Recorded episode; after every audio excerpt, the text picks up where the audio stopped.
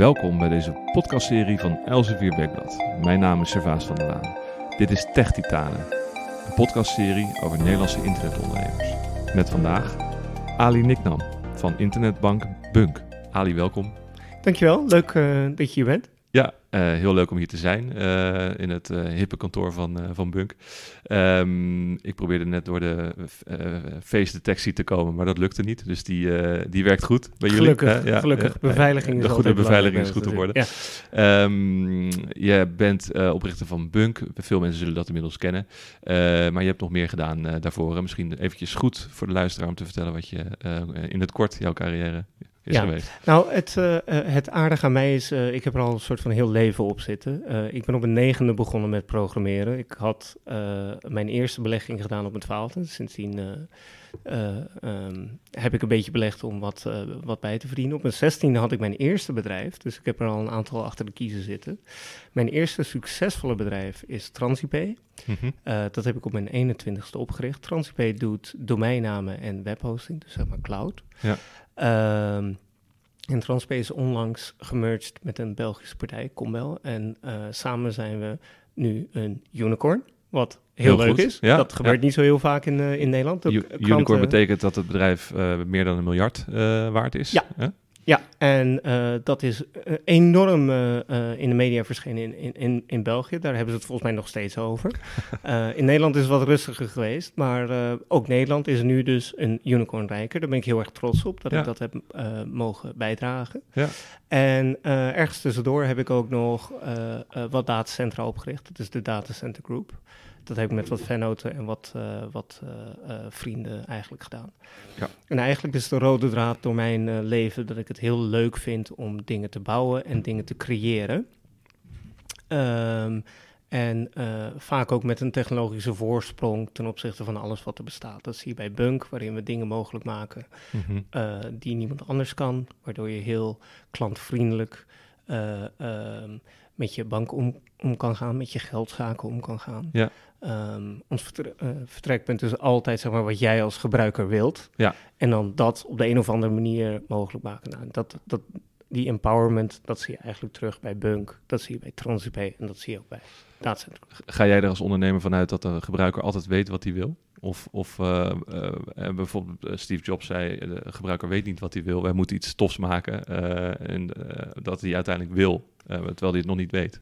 Of, of uh, je, uh, reageer je eigenlijk op wat, wat klanten willen? Um, ik denk dat het een beetje van je definitie van weten afhangt. Mm -hmm. um, ik denk dat mensen heel goed weten wat ze willen, alleen uh, dat zou. Um, la laat ik het anders zeggen. Ik denk dat mensen heel goed weten wat ze willen, alleen het zou heel. hoe noem je dat? Wie ben ik om te zeggen wat jij wil?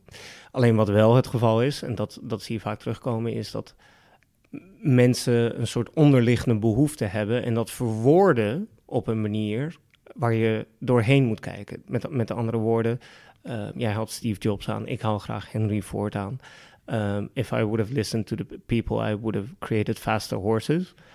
Um, alleen als je echt luistert naar, naar mensen, dan begrijp je dat ze niet snellere paarden willen, maar dat ze gewoon sneller van A naar B willen. En dan mhm. ga je dus een nieuwe technologie inzetten of verzinnen of creëren om dat mogelijk te maken. Ja, je moet eigenlijk abstract, abstracter kijken naar wat mensen willen. Dus niet, niet inderdaad... Je moet het niet te letterlijk nemen. Niet te letterlijk nemen. Niet te letterlijk nemen, ja. Ja, goed.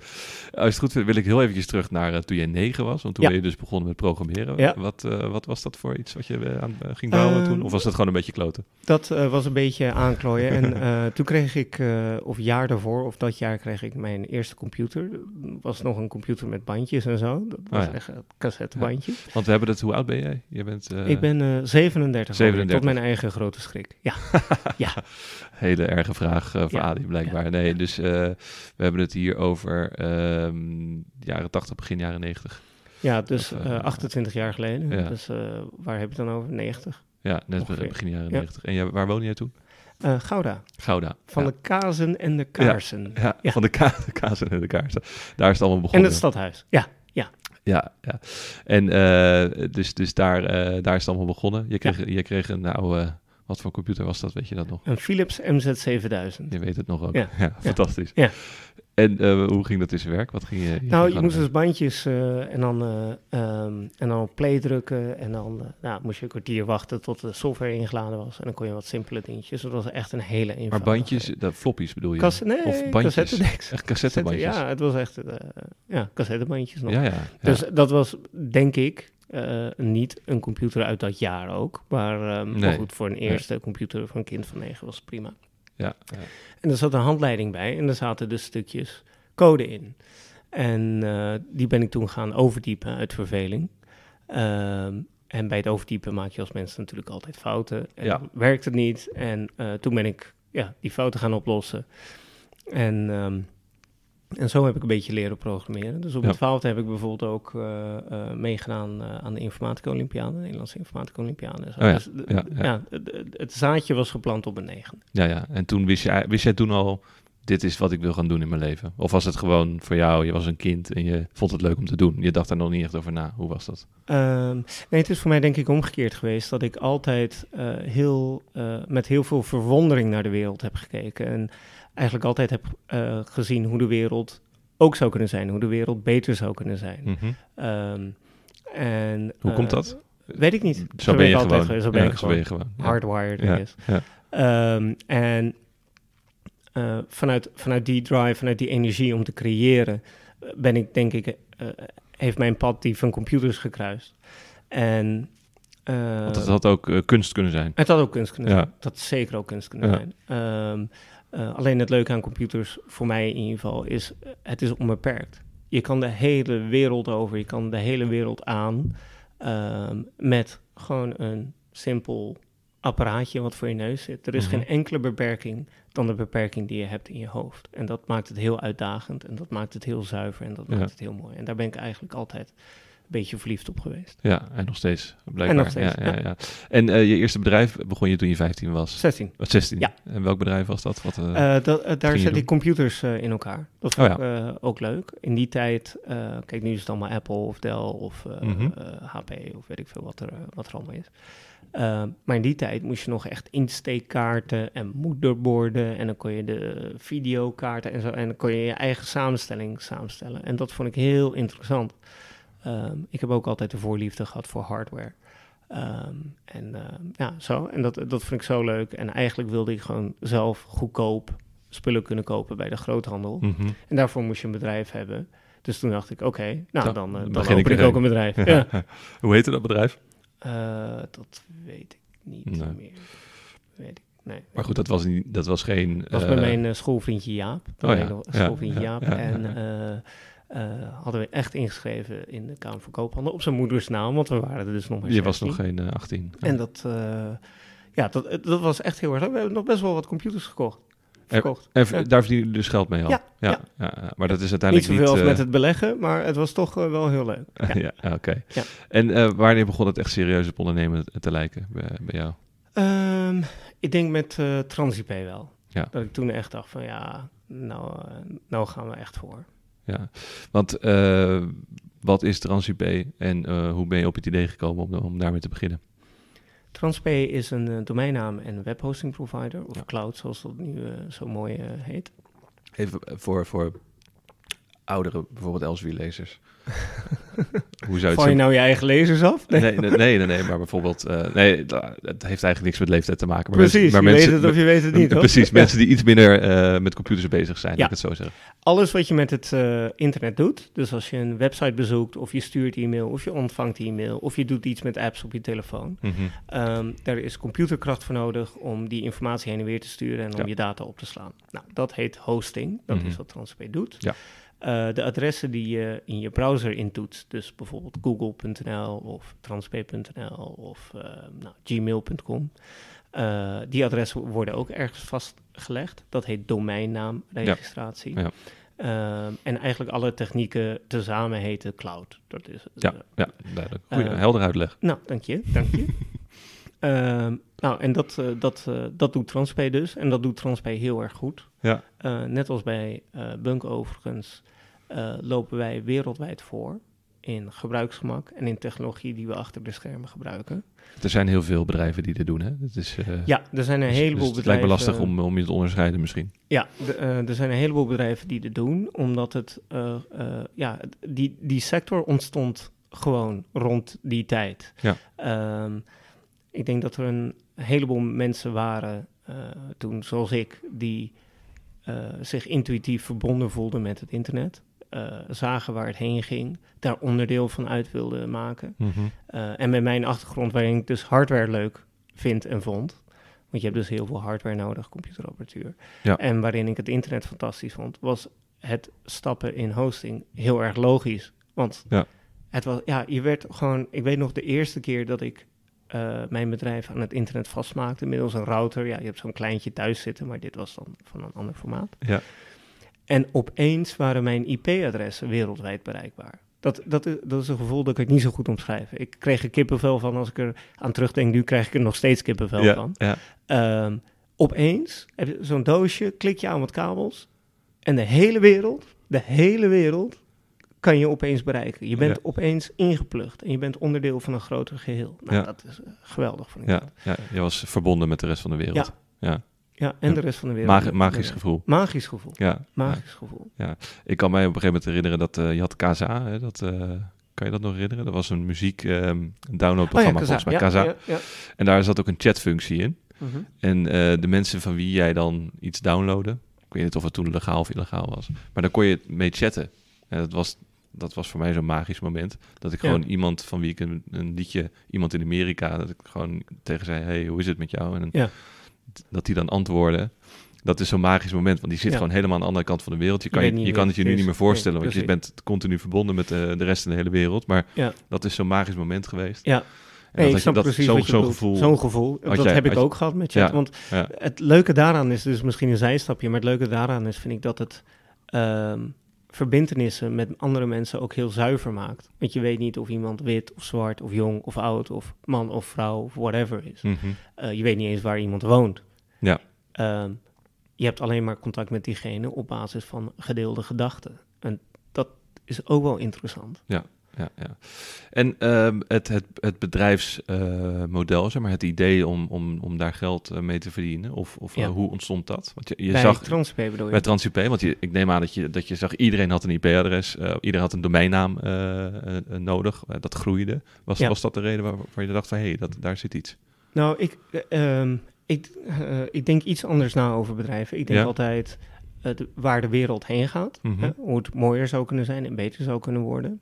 Ja, En de wereld wordt overigens ook alsmaar mooier. Hè? Dus ik snap niet waarom we soms eh, overladen worden met negativisme. Want we hebben nog nooit zo goed gehad als vandaag. ja, Hè? Dat, dat, dat is ook een manier om, om ernaar te kijken, denk ja, ik. ja.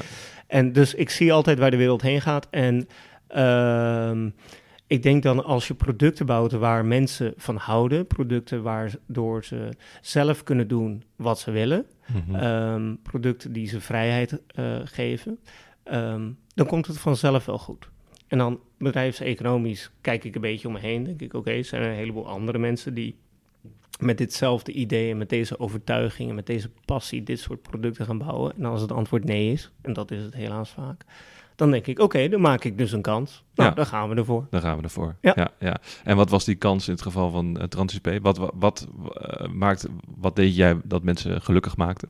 Ehm, nou, eh, een van de eh, voorbeelden die ik vaak aanhaal, omdat het tot de verbeelding spreekt, is: kan jij je voorstellen dat je een internetproduct, dus een entiteit die 24 uur per dag, 7 dagen per week open is, dat je een internetproduct, zoals een domeinnaam, moet bestellen of afnemen door een fax te sturen. Dus een document downloaden, invullen met de hand, je handtekening zetten en dan faxen naar de leverancier. Nou, Mhm. dat is toch bizar, toch? Ja, dat kan je bijna niet meer voorstellen. Nee, nee. Maar zo ging dat toen. Ja. En kijk, achteraf is het allemaal heel logisch, maar toen deed de hele sector dat op die manier. Deed het zo. Ja. Ja. Ja. En ik keek ernaar en ik denk, ja, dit moet toch beter kunnen. Ja. Nou, hop, en dan gingen we. ja. En wat ging je toen doen? Ja, Niet- dus niet met de fax, Niet eh. met de fax. ja, ja. Soms is het antwoord heel eenvoudig. Maar met een Ja. muisklik. Maar met de muisklik. Ja, Ja, ja, ja, de digitale handtekeningen waren de eerste in Nederland die dat deed. Ja, want waarom werd die fax gebruikt? Dat was, neem ik aan, een reden voor, omdat er een handtekening nodig was. Uh, om twee redenen. Omdat het in het verleden altijd zo ging. Hè? Ja, dus bedrijfsprocessen Ja, en dus ja. compleet niet klantgericht. Ja. Eh, ja, maar, we, maar meneer, we hebben altijd een orderbevestiging nodig.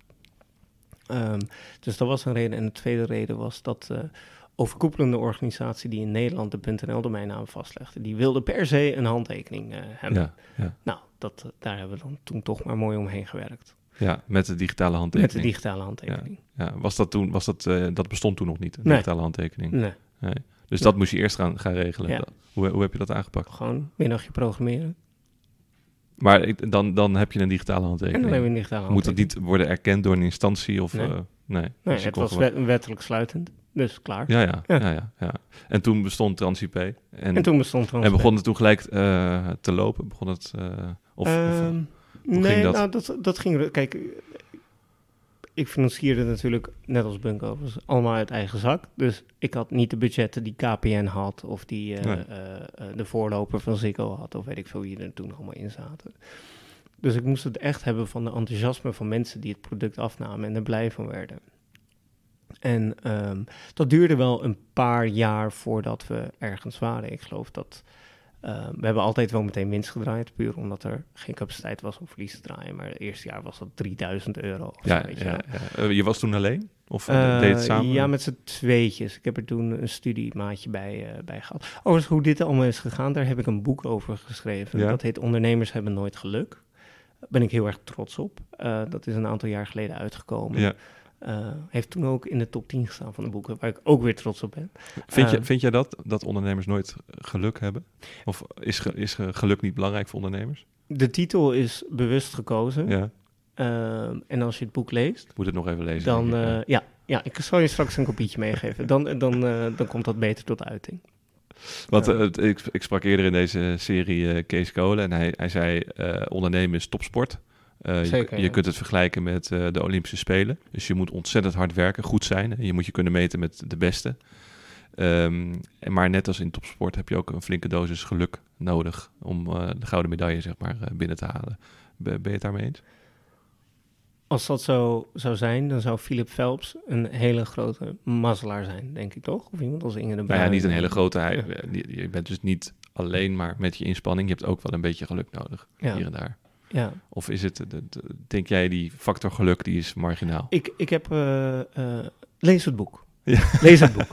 Ja, maar de luisteraar heeft daar geen tijd voor. Dus, dus even nou ja, een- in een paar kort- uurtjes ben je er doorheen. En Ja, ja, eh, ja, iedereen, iedereen gesprek. kan er wat uit Dus, dus maar hoe, Nou, hoe belangrijk is de factor geluk voor jou? Iemand heeft mij ooit verteld, geluk lacht hen toe die er klaar voor zijn. Ja, dus geluk dwing je af.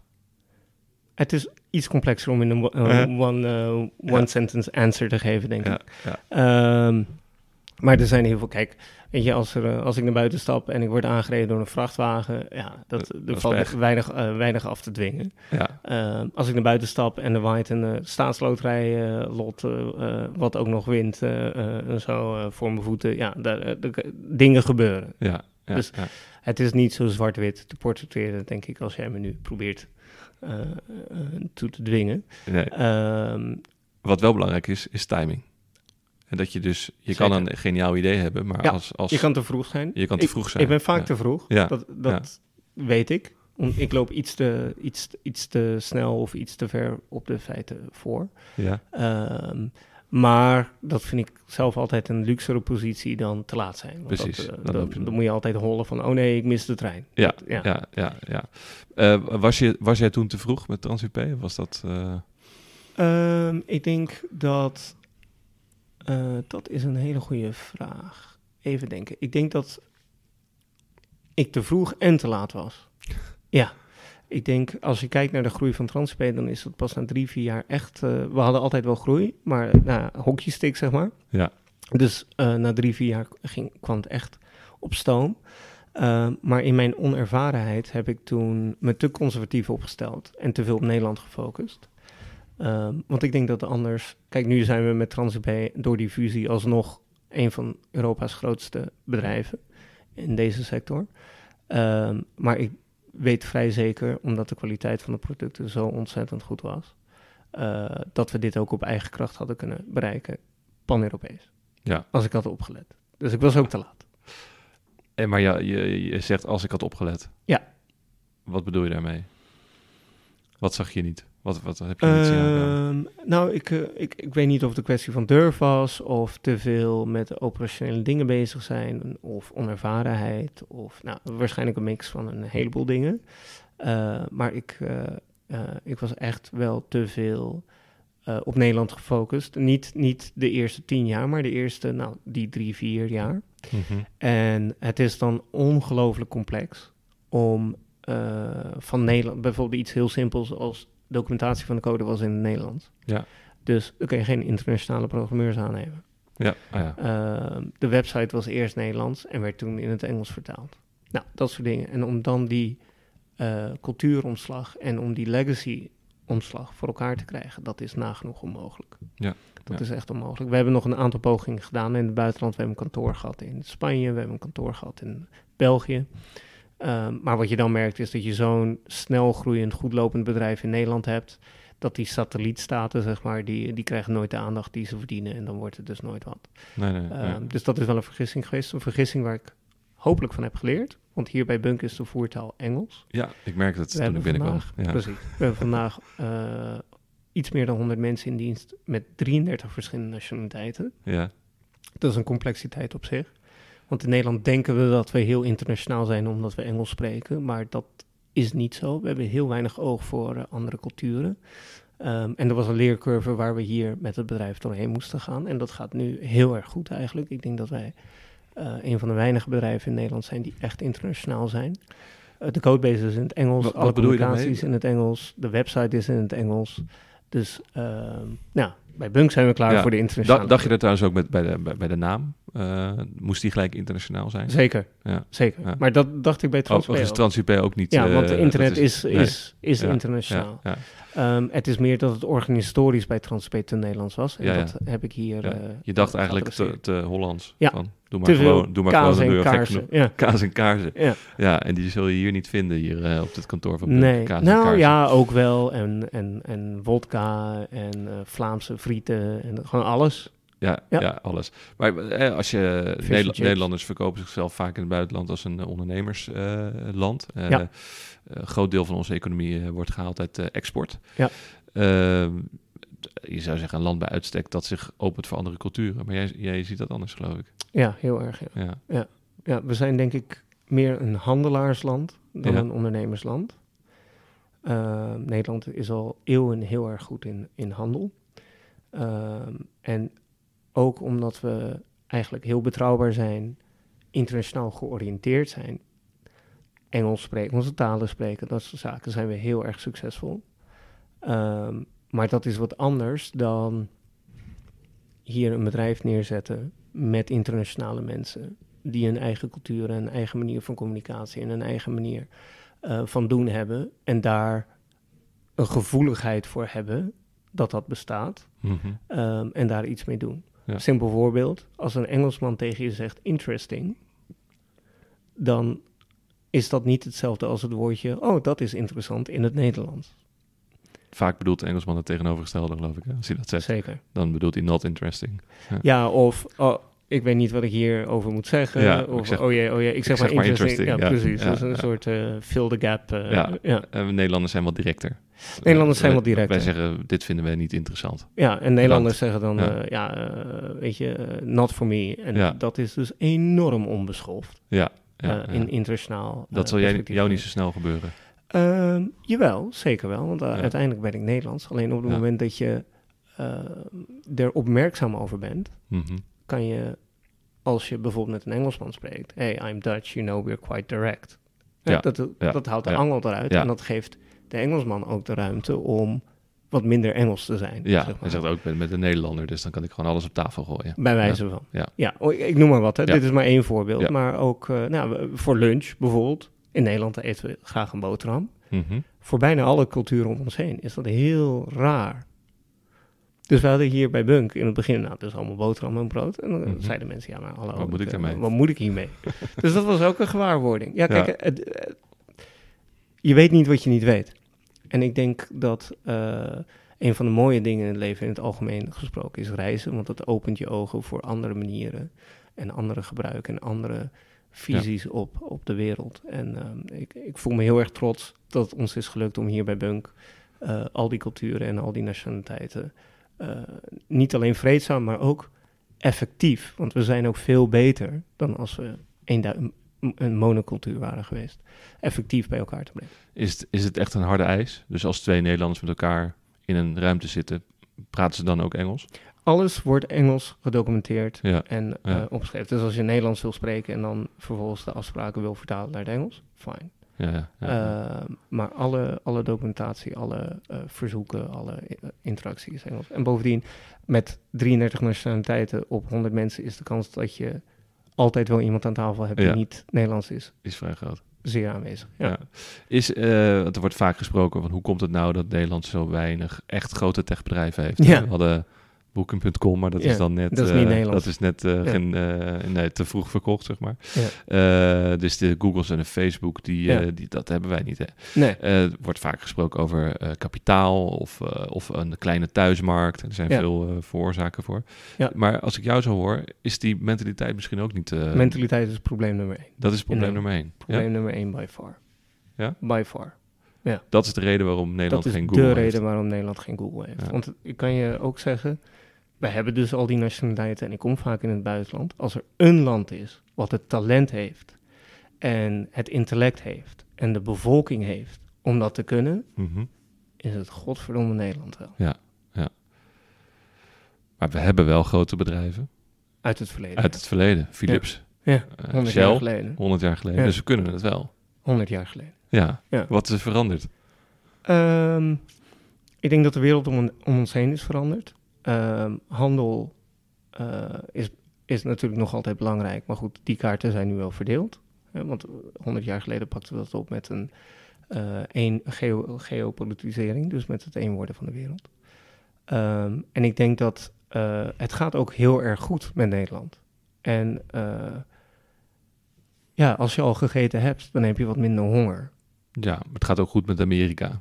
En toch is daar Google, Facebook, eh, Ja. daar ontstaan daar die grote bedrijven. Nou, het eh, interessante daarvan is, als je kijkt naar al die bedrijven, die zijn allemaal opgericht door migranten. En eh, in Nederland kijken we wel eens met veel ontzag naar New York. Terecht ook, is een fantastische stad. Maar die stad is groot geworden door migranten. Als je kijkt naar Google, dan Google is opgericht door Russische migranten. Apple was natuurlijk een Syriër. Eh, nou, Facebook dan niet, dat is dan de uitzondering. Zuckerberg klinkt... Zuckerberg klinkt eh, nou, Eh, eh, Amerikaans voor wat je Amerikaans kan noemen. Maar ehm, ook als je bijvoorbeeld in eh, Silicon Valley rondloopt, in eh, eh, Berkeley University, nou, dat soort dingen, meer dan de helft is Aziatisch. Ja. En dan kan het wel heel goed gaan met het land, wat fantastisch is, waar je trouwens in het geval van Amerika ook je eh, vraagtekens bij kan zetten. Mhm. Maar eh, dat daar gelaten hebbende, ehm, migranten willen natuurlijk, dat zijn al gedreven mensen, want die hebben al de grote beslissing gemaakt van ik ga mijn thuisland verlaten, omdat ik zie dat het beter kan. Nou, Ja. die drive en dat intellect, dat het ze dus gelukt is, dat is natuurlijk goud waard. En wat je denk ik in eh, Amerika ziet, is dat eh, dat talent wordt gecapitaliseerd. Eh, terwijl we in Nederland liever eh, op een andere manier ernaar kijken. Ja, ja, ja. Ik, ik had in Groningen een keer een hoogleraar die vertelde... Die kwam volgens mij zelf uit eh, Polen of Tsjechië. Hij zei, pas, pas op jullie verwende Nederlandse studenten. Eh, de Polen en de Tsjechen gaan al jullie banen innemen. Ze, gaan, ze worden advocaat, ze worden dokter. En waarom? Omdat zij die kans zien door de Europese Unie, eh, ehm, komen ze hier naartoe. Ze zien, ze zien die kans en jullie zijn verwend. Jullie gaan nou ja, flutstudies studeren en eh, jullie, jullie denken van we komen, het komt allemaal wel goed. Je zit eigenlijk in een te gespreid bedje. Dat, dat, dat, eh, dat voel ik bij jou ook een beetje. Dus dat je de, de, de, de migranten, het is niet Nou, dat, dat niet ik- jullie ik- banen innemen, maar die hebben, die hebben meer een drive om, Eh, om er wat heb- van te die- maken. Het, het, is een paar dingen. Ik hou er nooit zo van vanuit angst te redeneren. want Nee, dat, precies, dat maar vind ik dat zo'n onzin. Dat is Ja. echt een onzin. Want dat is echt niet zo. Want ehm, eh, nogmaals, als er een land is met talent en met kwaliteit, dan is het Nederland wel. Mhm. Als we onze mindset fixen, dan zijn we tot veel meer in staat dan Ja. dat we denken vandaag. Hij, hij zei het om, om, eh, om te prikkelen hè, van eh ik. Dat ten eerste. Ten Ja. tweede, het gaat niet om de Polen. Daar heb ik het niet over. Oh. Het gaat om de migranten uit Polen. Snap je? Ja, Dus je ja, krijgt ja. niet de gemiddelde Pool of Nee. de gemiddelde Aziat, of Nee. de- maar je krijgt de mensen die de stap hebben genomen. de stap hebben genomen en ook succesvol zijn geweest in die stap. Ja. Je kan hetzelfde over Nederlanders zeggen in Silicon Valley. Als je kijkt naar de Nederlanders in Silicon Valley, die willen ook allemaal rennen. Ja. Die willen ook allemaal succesvol zijn. Ja, ja. Nou, en het enige eh, wat, Al is het maar om aan je thuisland te laten zien, kijk eens, ik heb deze stap niet voor niets genomen. wat je beweegredenen ook zijn. Precies. En dan krijg je dus een andere set. En als je die mensen hebt, dan denk ik dat we daar als land meer uit kunnen halen dan dat we vandaag doen. En ten tweede, ik denk dat we als land eh, misplaatst bescheiden zijn over ons kunnen. En ik vind dat ook een beetje voor Europa gelden. Want ja, eh, als je veel reist over de wereld, dan heb je dus ook veel vergelijkingsmateriaal. Mhm. Dit is absoluut de beste plek in de wereld. Goede gezondheidszorg, veilige straten, eh, lekker eten, eh, veel diversiteit. Hey, je stapt in het vliegtuig, binnen een uur ben je in Berlijn, in Parijs. Allemaal di- diverse culturen met allemaal hun eigen interessante dingen. Hoogopgeleide mensen, goede infrastructuur. De vraag die we ons zouden moeten stellen is niet waarom Nederland geen Facebook of Google heeft voortgebracht, maar waarom Europa Ja. geen Facebook of Google heeft opgebracht. Ja, dus het is een Europees probleem, zeg jij. Is een Europees probleem. Ja, en wat zit er dan in die Europese mentaliteit? Dat, dat, dat- hè, want we zijn eigenlijk, eh, Europa is, is, een, is een melting pot, als je het zo, zo wil, wilt zeggen. Hè. Je hebt veel verschillende culturen al bij elkaar in Europa zelf. Eh, en er zijn dus ook nog veel meerdere eh, culturen bijgekomen. Dus we- je, je, hebt, je hebt eigenlijk die ideale samenstelling heb je al. Ja. Maar dan, De ingrediënten zijn er, ja. maar de soep nog niet. nee, eh, Nee. Hoe, kan, hoe kan dat? Eh, nou, ik denk, dat, eh, eh, ik denk dat het ten eerste geen melting pot is. Zeg jij nu. Maar alleen maar omdat je heel veel diverse mensen bij elkaar plaatst, maakt het nog geen melting pot. New York vind ik een melting pot. Mhm. Amsterdam vind ik een melting pot. Ja, Maar Nederland als geheel vind ik geen melting pot. nee. Jij wel? Je doelt op het feit dat de mensen meer langs elkaar heen leven dan dat ja, ze... precies. met Alleen maar omdat je, ja. Ja? Ja. Ja. En daardoor kan je ook niet, zie je ook niet de schoonheid van eh, die andere cultuur naast je. Mhm. En als je die schoonheid niet ziet, dan kan je ook niet je voordeel ermee doen. Ja, zijn, zijn Europeanen dan eh, misschien, eh, ja, hoe, hoe moet je dat uit- uitleggen, te arrogant of te veel met hun eigen cultuur bezig? Of, eh, Nee, dat weet ik. Maar het, het is, een, het is een, denk ik, een mindset. En dat brengt me bij het tweede. Het gaat hier natuurlijk ook gewoon heel erg goed. Als Ja. je geen honger meer hebt, dan Ja. ga je ook niet rennen. En ehm, als je het beste ervan moet maken, dan sta je heel anders in de wereld dan als je denkt van, nou ja, weet je, ik, ik heb mijn auto al, ik ga al drie keer per jaar op vakantie, mijn kinderen krijgen al een goede opleiding, opvoeding. Ja. Eh, het eten is al heel erg lekker. Ja, dan, wat wil je dan? Dan wil je vooral alles behouden zoals het is. Ja, ja. Wat een paradox is, want omdat je je zo opstelt, verlies je juist wat je hebt. Ja. Maar goed, dat Ja. is dan misschien voor een andere... Nee, nee, nee, nee, ik vind het interessant. En, eh, eh, maar je, voel jij je verbonden dan met, met, die, met die oprichters van, van eh, die migrantenoprichters? Jij bent een kind van, van migranten. Eh, eh, eh, voel je je daarmee verbonden dan? Of, Ik voel me verbonden met iedereen die de wereld mooier wil achterlaten dan dat hij me aantreft. Ja. En of het een migrant is of niet meer. Iedereen is uiteindelijk migrant. De Gouden Eeuw, waar we nog vol trots af en toe naar verwijzen, ja, is begonnen door migratie uit Vlaanderen. ja, ja. ja. De- de- En wat- dat vergeten we wel eens. Of dat is een verhaal wat niet verteld wordt. Wat ik bijzonder vind. Ik vind het wel leuk van dit gesprek dat we dus bij ondernemerschap eh, begonnen. Dat we het nu over migratie Ja. eh, eh, Ja. hebben. Nee, we hebben het over mensen Ja, en hoe mensen het meeste kunnen bijdragen. En of Ja, dat nou in ja. een onderneming is, of in een land, of in een thuissituatie, maakt mij La- niet laten we even naar Nederland kijken, Ja. los van Europa. Hoe zou dat in Nederland beter kunnen? Nou, Waar, door Nederland te zien, ideeën. niet los van Europa. dus, om eens mee te beginnen. Ja, ja, ja. Ja. Ja. Maar dat is, ik bedoel, we zijn Europese Unie, toch? nou? Waar, nee, ja. we grenzen zijn ja, weg. vo- Voel jij dat zo? Zijn we Ja. echt de Europese Unie? Ik, ik reis zo naar België, Duitsland, Frankrijk. Precies, dat qua is, transport wel. dat is Godzijdank. ja. Dus het is al beter dan twintig jaar geleden. Maar we hebben niet een eenduidig fiscaal systeem. We hebben niet een eenduidig rechtssysteem. We hebben gelukkig wel een eenduidige munt nu. We hebben niet een eenduidig eh, eh, binnenlandmarkt, zeg maar. Ja. Ehm, Ja, het is vrij lastig. Ik neem aan dat je dat ook als ondernemer eh, bijvoorbeeld Zeker, bij Punk eh, zeker. bent achtergekomen. Dat als je naar Duitsland wil of België, dan Ja, kom je in dan een andere wereld terecht. Precies. Dan heb je weer andere IBANs. Ja, Ehm, er is dan wel een CEPA-richtlijn die zegt dat alle IBANs overal gelijk zouden moeten zijn en zou moeten werken. Maar in Mhm. de praktijk is het dan weer niet zo, wordt weer niet gehandhaafd. Ehm, in Duitsland eh, eh, moet je belasting betalen over je verkregen rente. In Nederland niet. In Frankrijk heb je tot 11.000 euro een verplichte minimumrente. In Spanje heb je weer wat anders. Het Ja. is allemaal, waar slaat dat op? Ja, dat Nou, is. eh, dus dat- als je dat maakt afvraagt- het ondernemen niet makkelijk. Als ja. je afvraagt waarom we hier geen Facebook, hier bedoel ik dus Europa, Facebook, Ja. Google, Netflix, whatever hebben, of Tesla. Hè? Want als hoe kan het dat de Duitse auto-industrie de elektrische auto aan zich voorbij heeft laten gaan? Ja. Dan komt dat wat mij betreft een mindset. Een mindset die meer is op behouden in plaats van doen wat mogelijk is. Dat is veranderd de afgelopen eh 100 jaar ten opzichte van 100 jaar geleden.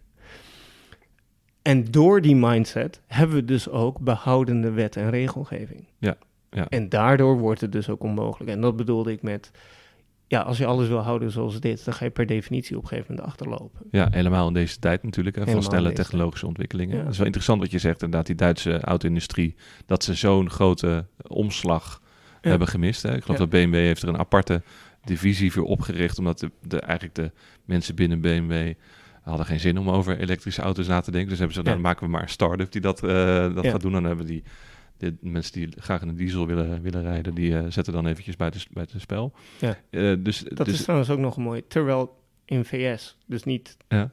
niet eens door een autobedrijf overigens, de elektrische auto werd ontwikkeld, ontwikkelde zich in Duitsland het dieselschandaal. Ja.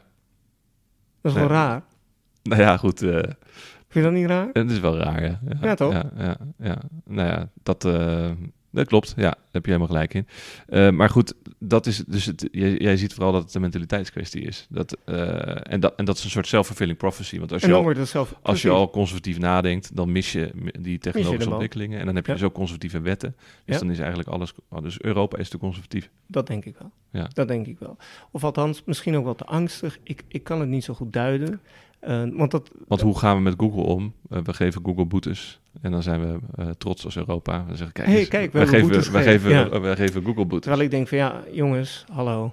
Weet je, Nokia, om maar weer zo'n bedrijf te noemen. Ja, We liepen hier voor met mobiele telefonie. Ja. En niet een beetje, maar echt mijlen ver. Ja. Hoe kan dat nou toch elke keer? Overigens eh, ook een, net een boek over verschenen. Van, ja, Oh, wat leuk. van een van de eh, directeuren destijds. En Nokia is bezig met een comeback, hè? maar goed, dat eh, is voor een andere podcast. Ja. Ehm, nou ja, dus, dus Europa heeft, heeft inderdaad een, een, een probleem. Eh, wat dat betreft. Nee, want dat vind ik negatief. Europa heeft een een- ontzettende een- kans. een En- uitdaging. precies. Ja, nee, geen ja. uitdaging, een kans. Een kans. We hebben een Dus het is nog niet te laat. kans. Het is niet te laat, Nee. het is nooit te laat. We hebben een fantastische bevolkingsgroep. We hebben Ja. alle ingrediënten die we moeten hebben. Het enige wat we moeten doen is kijken naar waar we heen kunnen. In plaats van bang zijn van wat we kwijt kunnen. ja, Dat ja. is het enige wat we hoeven te doen. En wie moeten dat doen? De politici? nou, Of, het, is, het, is, we- het, is, eh, het moet een breed gedragen iets zijn. Ik denk als we niet alleen maar kommer en kwel in nieuwsberichten kwijt, eh, of in, in nieuwsberichten eh, langs zien komen. Hè, ehm, sommige journalisten die hard gaan op clickbait, van eh, hoe het verschrikkelijk het wel niet is in de wereld. Ik denk dat als we politici hebben die leiders durven te zijn, mhm. door het volk te vertellen waar zij voor staan en dan daar ook voor gaan staan. In plaats van elke dag eh, heen en weer wapperen op basis van whatever. Weet je, van, van de, de waan van de, dag, eh, waan van de dag bestuur. leiderschap tonen. Ik denk dat we een aantal mensen moeten hebben die visie durven uit te dragen. En ik denk dan dat het belangrijk is voor de overgrote meerderheid van de mensen om bij even een momentje reflectie te nemen en te denken: oké, wat wil ik nou? Wat wil ik voor mijn kinderen? Wat wil ik voor mijn buren? Wat wil ik voor mezelf? Wat wil ik voor mijn stad? Wat wil ik voor mijn land? Wat wil ik voor de wereld? Mhm. Wat wil ik? Ja. En wat kan ik doen om daar iets aan bij te dragen? Ja. Ik denk dat dat dingen zijn waar iedereen eh, voor zichzelf het verschil kan maken. En alle kleine beetjes helpen, zoals we weten in Nederland. Ik denk dat we, als we met z'n allen... We weten allemaal wat er beter moet. Hè? Nederland nummer één, eh, klagerij. Eh, dus we zien wat er beter gaat moet. vaak over het weer, geloof ik. Hè? Daar Ja, kan, daar vaak kan dan over net, het net, zo- weer net niks aan veranderen. Dat is niet waar. Je kan Ja. een elektrische auto rijden in plaats van een dieselauto. Dan wordt het in ieder geval niet, eh, dan krijg je niet meer van het die dagen nog- van 38 graden. Niet nog erger, ja. Of overstromingen of, eh, of eh, weet ik veel. ja. Ehm, maar mijn punt is dus een beetje dat als we ophouden met kijken naar het verleden, ophouden naar wat we allemaal kwijt kunnen raken en gaan kijken naar waar we heen kunnen, met al het fantastische wat we hebben, dan zijn we nog tot zoveel meer toe in staat. En dan kan het nog zoveel mooier, mooier worden dan nu is. Het is natuurlijk niet makkelijk om. Je, dat is eigenlijk de moeilijkste eh, verandering, je mentaliteitsverandering. Je, mensen zitten, vaak in een bepaald pa- patroon vast. Dus dat is, dat is natuurlijk niet makkelijk voor, voor, voor, voor mensen om, om, om dat te doen. Of vind jij dat, eh, vind je dat een slecht excuus? Ik hoor vaak van ondernemers trouwens dat ze, dat ze de, de mentaliteits eh, issue eh, vaak onderschatten bij mensen. Ze, ze denken, ik heb een goed idee, eh, dit vindt iedereen fantastisch. En dan blijkt ja, de gemiddelde consument dat eigenlijk helemaal, die, die zit daar misschien nog niet zo op te wachten. Of dan denken ze, nee, maar da- daar gaat de wereld heen. Is de, herken je daar iets in? Eh, nee, want Dat- dat- weet je, als ondernemer is het jouw taak om anderen te overtuigen van hoe geweldig je product of je dienst is. Ja. En als je dat niet lukt, ja, dan, Ja. Dan moet je daar nog wat harder je best doen. Of je product aanpassen, of je dienst aanpassen, of je fout erkennen. Dat kan natuurlijk ook. Dat is niet waar ik het over heb. Waar ik het over heb is eh, dat we echt nog heel veel, iedereen, niet alleen ondernemers, maar ook studenten, leerlingen, eh, medewerkers, leraren, toezichthouders, wetgevers, leiders. Er is nog zoveel meer. De wereld is zo'n mooie plek vandaag. Mhm. Omdat een aantal mensen een aantal jaar geleden zeiden: hey, weet je wat? Dit kan beter. We gaan niet de gulden en de frank en dan weet ik veel wat hebben. We gaan een euro, een euro introduceren, want daar worden we allemaal beter van. En zo geschieden. We hebben elektrische auto's vandaag, omdat iemand zei: ja, het is geschift dat we onszelf aan het vergassen zijn. Dit moet toch beter kunnen? En die hebben zich allemaal ingezet, was ook niet makkelijk. En we hebben nu elektrische auto's. Ja. Ehm, we hebben schonere lucht, omdat mensen zeiden van ja, die kolen die we nu de hele dag de lucht inblazen, ja, it's going to come back and haunt us. Laten we zonnepanelen doen, laten we windenergie doen. Mhm. En de wereld is better for it today.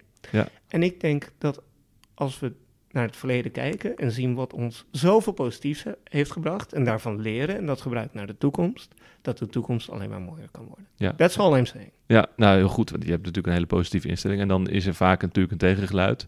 Mensen zeggen van ja, maar dat, eh, dat is allemaal wel heel erg duur. eh, die, eh, die, die nieuwe manieren van energie. We hebben natuurlijk nu de energietransitie in Nederland. Daar is veel kritiek op. Zeg je, daar moeten we nog een keer mee ophouden. Met het, met het, met het, met het zeuren over, over cijfertjes. Want het, is, het gaat natuurlijk heel veel geld kosten. Ik denk, ehm, kijk, ik ben niet, eh, ik ben geen politicus en ik heb de cijfers niet doorgerekend, dus ik weet niet wat het is. Maar als we even gewoon logisch kijken naar de wereld. Ja. En je kan nu kiezen voor een wereld waarin de zeespiegels stijgen.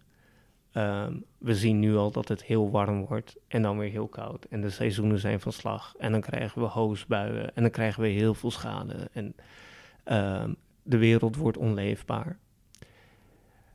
Dan vind ik het een heel wonderbaarlijke afweging om te gaan proberen te berekenen of de schade die we krijgen door de shit die we onszelf aandoen, meer of minder kost dan het hebben van een schoon en veilig klimaat waar iedereen zich zijn hang voelt. Wat is dat voor debiele discussie? Voor, voor jou is het een no-brainer. Dat moet Het gewoon is een gebeuren. no-brainer. Ja, ja. Als er één ding is wat wij weten met technologie, is het begint altijd duur. Hoe duur waren de eerste mobiele telefoons? Ja. En hoe slecht waren ze? Dat je met zo'n kast rond moest lopen met de antenne eraan. Een soort walkie-talkie met een Ja. generator of Ja, zo. het wordt altijd beter. Dat, dat het is- wordt beter. ja, en het goedkoper. gaat er niet om. Je moet niet kijken naar wat er vandaag is. Je moet kijken naar waar je heen wil. En dan kom je er ook. Vind je dat de, de ondernemer de persoon is eigenlijk bij uitstek die de problemen eh, in de wereld eh, moet oplossen? Absoluut niet. Nee? Nee, ik vind dat iedereen, iedereen, als jij voor je oude buurvrouw een keer boodschappen haalt bij de supermarkt, dan ben jij even waardevol voor deze samenleving als wie dan ook. Nee, waar ik op doel zijn, zijn, zijn grotere problemen. Wat je nu veel ziet. En dat eh, is een groot in- probleem. In, in de, het is een Als groot probleem. iedereen Voor die, voor, zijn, voor zijn oudere buurvrouw Ja. boodschappen haalt, dan wordt Nederland morgen beter. ja, dus en dat, dat is dus dat hoeft geen ondernemer op te lossen. Dat, hoeft geen ondernemer Ja, op te lossen. Ik heb het niet over, eh, weet je, je hoeft geen kwantummechanica genie te zijn om de wereld vooruit te helpen. Iedereen kan wat doen. je ziet nu in de, in de, als je gaat kijken naar de, de, ook de Nederlandse, maar internationale tech scene, veel start-ups, veel beginnende bedrijven zijn, hebben een verdienmodel gebouwd eigenlijk onder een maatschappelijk probleem. Hè, Dus ze willen bijvoorbeeld het probleem van water oplossen. Uh, uh, door machine te bouwen die het luchtwater maakt en dergelijke. Ja. Ze, ze willen iets. Dus dat, dat zie je, er is een duidelijke trend uh, gaande. Ja. dus, en dat, dat, dat staat eigenlijk, dat is eigenlijk in het, in het oh, sorry, nu val ik ook even weg. nee, dat, terwijl voorheen dachten we altijd van NGO's, eigenlijk maatschappelijke bedrijven, of eigenlijk geen bedrijven, overheden moeten de moeten problemen oplossen. Zie je dat als een positieve ontwikkeling? Dat er nu dat het bedrijfsleven eigenlijk de problemen in de wereld uh, omarmt en zegt hier gaan we wat aan doen? Ik vind dat eigenlijk een irrelevante vraag. Wat, wat ik zie is dat er, we hebben altijd al uh, issues gehad. Mm -hmm. De wereld vandaag is beter dan gisteren. Ja. Waarom? Omdat een set mensen een deel van de problemen heeft opgelost. Um, als je kijkt naar het verleden, dan zijn dat wetenschappers geweest, het zijn overheden geweest, het zijn leiders geweest, het zijn ondernemers geweest, het zijn NGO's geweest. Greenpeace, die, dat weet ik nog, die uh, uh, met een schip andere schepen enterde, nou, die, die heeft bepaalde dingen aan de kaak gesteld, waar ik anders nooit van had gehoord.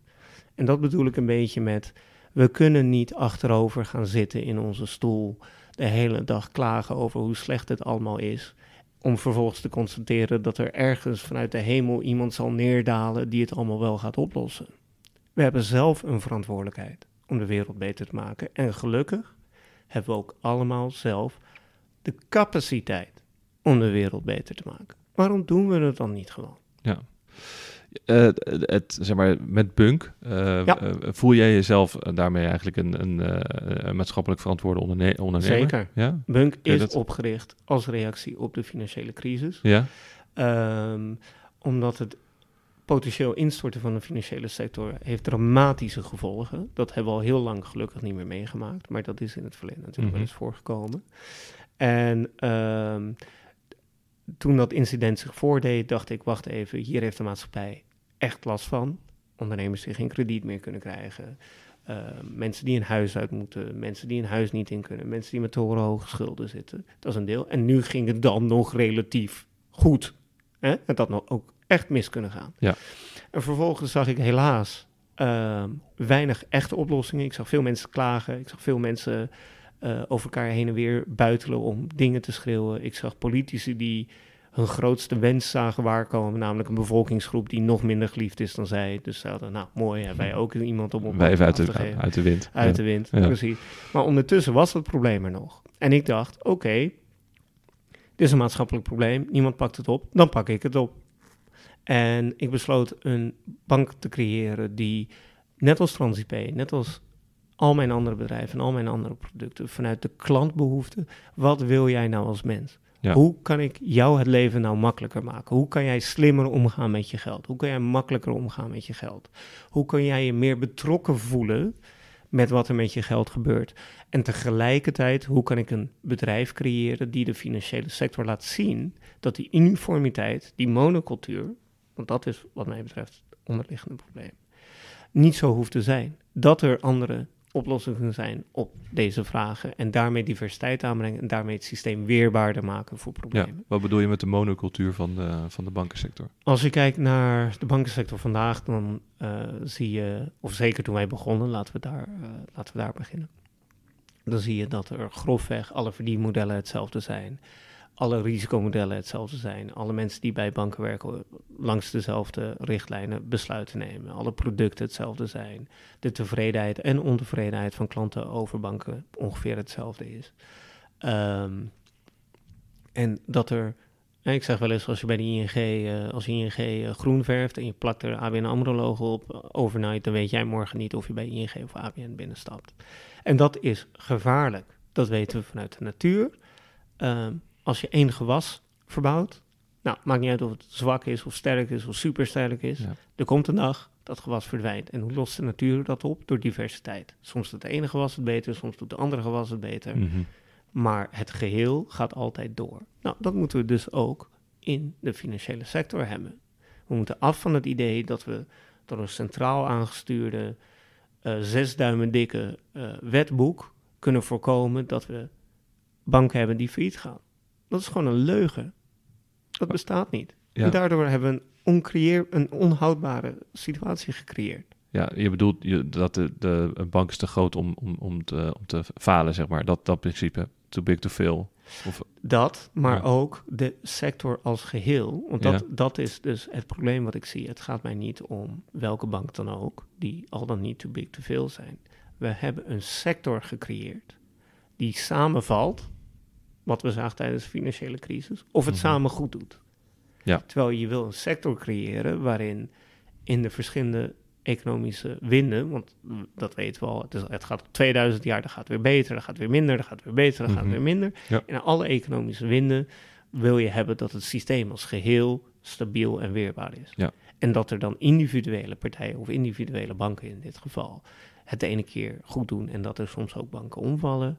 Het zij zo, als het systeem maar overeind blijft. wat, wat, maakt jou, eh, wat ben je wezenlijk anders gaan doen dan de traditionele banken? Ehm, ik denk dat eh, ons vertrekpunt, mindset, hè, dat is een aantal Mhm. keer tijdens dit gesprek ter sprake gekomen, is compleet anders. Wij beginnen vanuit de wens van de gebruiker en daarna rekenen we terug. Dus ons verdienmodel is anders. Banken verdienen geld met jouw geld. Dat Mhm. maakt ze een soort tweedehands autoverkopers. Eh, alles wat zij meer verdienen, verdien jij minder en omgekeerd. Ehm, betekent dus ook dat, net als een tweedehands autoverkoper, die verzwijgt liever dat zonnedak lekt, zullen we maar zeggen. Nou, dat zie je bij banken ook. Hè. Die verzwijgen liever dat er palmolie-investeringen zijn of uh, wapeninvesteringen zijn, dat soort zaken. Ehm, dat kan, kan ze niet kwalijk genomen worden, want dat is gewoon het gevolg van hoe hun bedrijfscultuur en bedrijfseconomie werkt. Wij zijn begonnen vanuit tevredenheid van de klant, dus transparantie, uh, net promoter score, producten waar je van houdt. Um, dat zijn dingen waar we het hier vaak over hebben. Als je het hier in de boardroom over discussies hebt, als je discussies over de werkvloer, dan hebben we het over van, hé, hey, misschien moeten we dit knopje zus laten doen, want dan zijn, hé, hey, misschien moeten we dat bouwen, want dan zijn mensen nog uh, beter met hun geld, of nog leuker, of nog weet ik veel wat. Um, dat zijn de discussies die we hier hebben. Ja, minder van eigenlijk welk product kunnen we maken waar we meer geld aan kunnen verdienen. Dat, uh, of zijn, zijn dat discussies ja, omdat, die hier nou, uh, op dit kijk, kantoor worden gevoerd? Um, ultiemelijk, een gezond bedrijf moet geld verdienen. Ja. Dus als je het hebt over sustainability, dan heb je het daar ook over. Het verschil is dat al, wij verdienen geld als jij tevreden bent als ge gebruiker. Mm -hmm. Want wij hebben abonnementsgelden. Ja. Als jij niet tevreden bent, zeg je je abonnement op, verdienen wij minder geld. Dus ja. ons is alles eraan gelegen om tevreden gebruikers te hebben. Met andere woorden, onze economische realiteit is vereenzelvigd met de blijheid van de gebruiker. Ja. In plaats van een economische realiteit die vooruit gaat als de gebruiker erop achteruit gaat. Ja. Wat de traditionele. Ja. Kan ik een hypotheek afsluiten bij Bunk? Vandaag nog niet. Nee. Uh, maar als er uh, uh, voldoende mensen zijn die, het, die dat graag zouden willen hebben, want we staan dus heel dicht bij onze gebruikers. Ja. We hebben een forum, together.punk.com. Ehm, dat vind ik overigens ook heel erg leuk, hoe, hoeveel interactie zich mm -hmm. daar plaatsvindt. Uh, als er genoeg mensen zijn die dat willen, willen we met alle liefde er naar kijken. En dan proberen we ook met een model te komen wat niet ten koste gaat van jou. Kijk, dat we geld moeten verdienen, dat is bui ja. buiten kijf. Er ja. zijn ook sommige mensen die zoiets hebben van waarom moeten dingen geld kosten, waarom is het niet allemaal gratis? Ja, kijk, dat is een irrationele discussie. Ja. Dat, daar kan ik niks mee. Nee. Natuurlijk moeten wij geld verdienen. Ja. Het punt is dat wij geld verdienen als jij tevreden bent. Ja, en, dat, en bijvoorbeeld zo'n hypotheek is een product uh, wellicht waar wat verbetering uh, te behalen valt. Mm, Ja, voor, dat voor, denk voor ik. klanten. Dat denk ik, maar Ja. wat je ook ziet is dat uh, vandaag uh, meer dan de helft van de hypotheken niet wordt afgesloten door banken, maar door anderen. Mm -hmm. Uh, en ja. dat, dat is ook weer een teken dat zeg maar, de innovatie en de klantgerichtheid bij banken te wensen overlaat. Ja, ja. Adrien Mol van, van Molly zei ook het verschil tussen, tussen banken en bijvoorbeeld wat wij doen, is dat wij zijn een, wij zijn een service dienstverlener. Ja, dus dus wij, wij leveren een service waar mensen voor willen betalen. En die service moet goed zijn, anders gaan, dan gaan ze weg. En banken verdienen geld aan geld. Dus Ja. ze verdienen geld aan geldproducten, zoals een hypotheek en dergelijke. Ja, Dat is eigenlijk het verhaal wat ik net Dat is precies wat jij, wat jij zegt, dat lijkt er, er heel erg op. En eh, eh, eh, een bankrekening kost een, een bank eigenlijk alleen maar geld. Ja. Dus daar, daar innoveren ze niet in. Dat vinden ze eigenlijk maar een vervelend ding. Ja. Eh, terwijl dat het, het hoofdproduct is voor de meeste mensen. Die willen een fijn, eh, fijne bankomgeving. Ja. Nou is dat wel flink verbeterd, vind ik. Hè? Dus die, Ja, als je mede kijkt- dankzij ons, hè? ja, ja, ja, Ja, ja, dus want dat- al- alle innovaties, nou niet, al- nou ja, eigenlijk wel, alle innovaties zijn pas begonnen toen wij lanceerden, ongeveer een Ja. jaar daarna. En, Want ik eh, zie dat ABN AMRO er nu reclame mee maakt. Hè, van eh, hoe makkelijk het allemaal eh, is. Even je, Ja. je kaart blokkeren, deblokkeren, Ja. online op vakantie. even tikkie sturen hier en daar. Hè, Ja, dus, nou, Tiki is natuurlijk sowieso rechtstreeks van Bunk gejat. Ik geloof dat dat inmiddels algemeen bekend is. Maar heel veel van de innovatie is ook van ons gekopieerd. En dat vinden wij helemaal niet erg. Nee, Want als we teruggaan naar ons gesprek van juist de wereld beter maken... ja, dan slaag je dus dat je we doel. hier met z'n honderden eigenlijk voor heel Nederland... en Ja. omdat Nederland toonaangevend is in de bankaire sector... eigenlijk ook breder dan dat... hebben wij iedereen een plezier gedaan. Ja. Ook de mensen die niet bij Ja. Bunk zitten. Nou, dat is toch geweldig? Ja, dus als ABN AMRO dat gewoon helemaal overneemt... en Ja. Bunk eigenlijk geen bestaansrecht meer heeft... daardoor, vind jij ook prima. Nou, dat, dat denk ik, dat, eh, dat concludeer jij nu. Maar ik denk dat het feit dat ABN AMRO Bunk overneemt... juist het bestaansrecht van Bunk onderstreept. Ja, ja, ja, nee, dat bedoel ik, maar dat Bunk niet meer zou bestaan, zeg maar. Dat, dat zou je niet erg vinden. Dan, dan is jouw doel, eh, jouw missie eh, geslaagd. Eh, om de wereld beter te maken. Ik, ik begrijp die conclusie niet. Want als we vaststellen dat alle innovatie die we nu in de bankaire sector zien... eigenlijk het rechtstreekse gevolg is van Bunk... dan heeft Bunk juist een bestaansrecht. Want anders is er geen innovatie. De vraag Mhm. is, ehm, ben je liever iemand die, zeg maar, meeloopt met... eh, eh, of nou, voorop loopt is een groot woord... maar heb je liever als eerste het laatste model iPhone, bij wijze van... Mhm.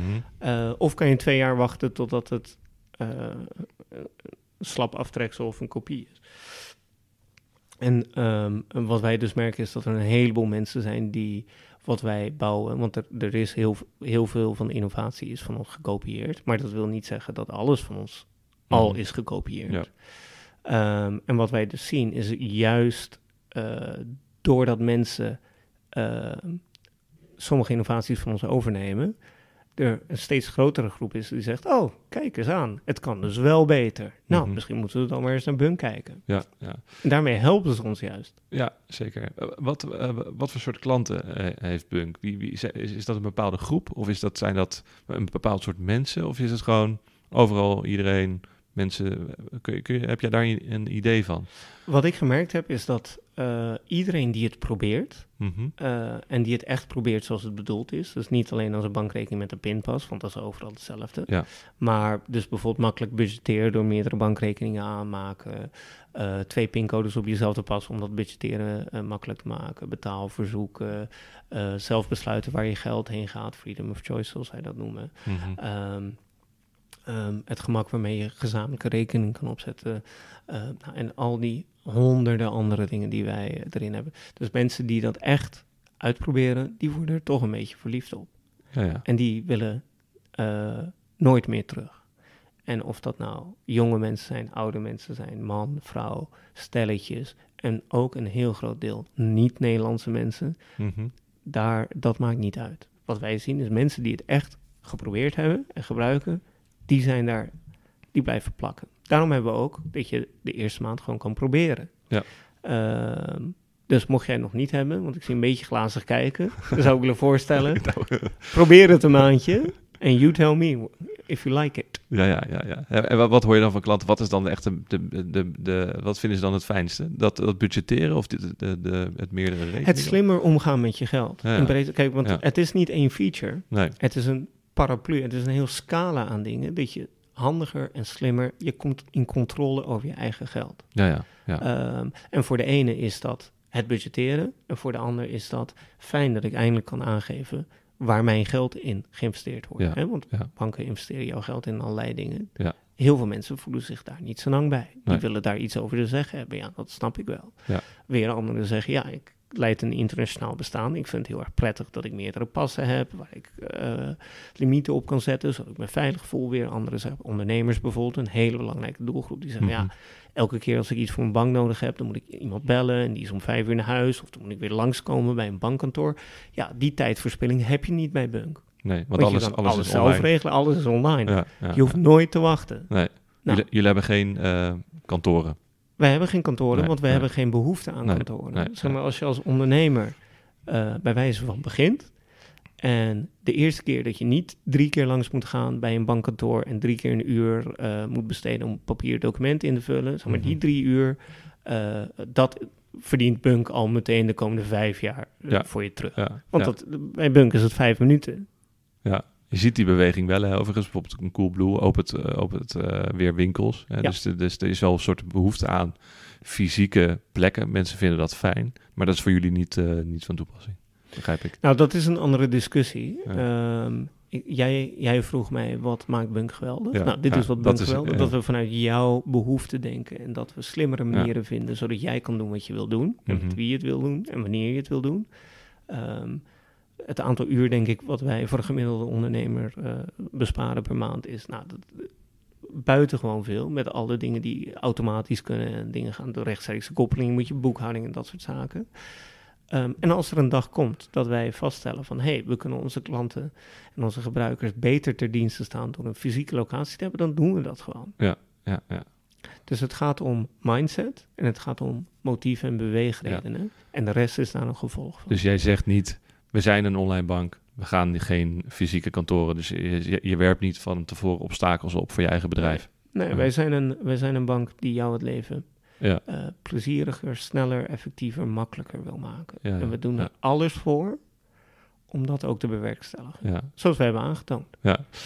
Hey Ali, ik zag je net op je horloge kijken, dus ik Ja. ga je niet eh, al te- Ja, ik ga je straks loslaten. Ja, Eh, is het zo erg gesprek? Dat nee, nee, mee. ik vind het heel gezellig. Ja, alleen, moet- eh, ik denk dat je stel overeen achterover valt als je mijn agenda ziet. Ja, gaan we doen. Er komt natuurlijk ook binnenkort een bunk update aan, dus daar moet ook nog het een en ander voor. daar moeten we wat voor doen. Ehm, eh, ben je er trouwens bij? Dat is echt leuk. Wanneer 9 is het? juli. 9 juli is mijn verjaardag. Wat aardig dat je Nou. dat hebt eh, gedaan op mijn verjaardag. Delamar. drankje doen. Ja, oké.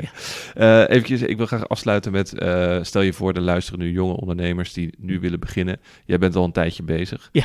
Ik neem aan dat je wat lessen hebt geleerd onderweg. Ja. Wat is nou echt de belangrijkste les? Wat, wat had je de Ali van eh 15 jaar geleden, 20 jaar geleden graag willen vertellen? Lees het boek Ondernemers hebben nooit geluk, want daar staat alles in. Even oprecht. Er Ja. staat alles in wat ik de eerste 10 jaar ondernemen heb geleerd. En Ja. dat is echt heel behulpzaam. Ehm, Wat is het belangrijkste? ehm, dat boek lezen. Ja. Voor iemand die, die daar nu eventjes in dit gesprek eh, dat wel even wil weten. Gewoon, dan kan je, het hoeft niet het, het ding te zijn. Maar wat is nou echt een les waarvan je denkt... Jeetje, dat tijdens het ondernemen ben ik Kijk dat... waar je naartoe wil en niet hoe de wereld nu is. Keep your eyes on the prize. Kijk waar je naartoe wil en dan gewoon gaan. Gewoon gaan.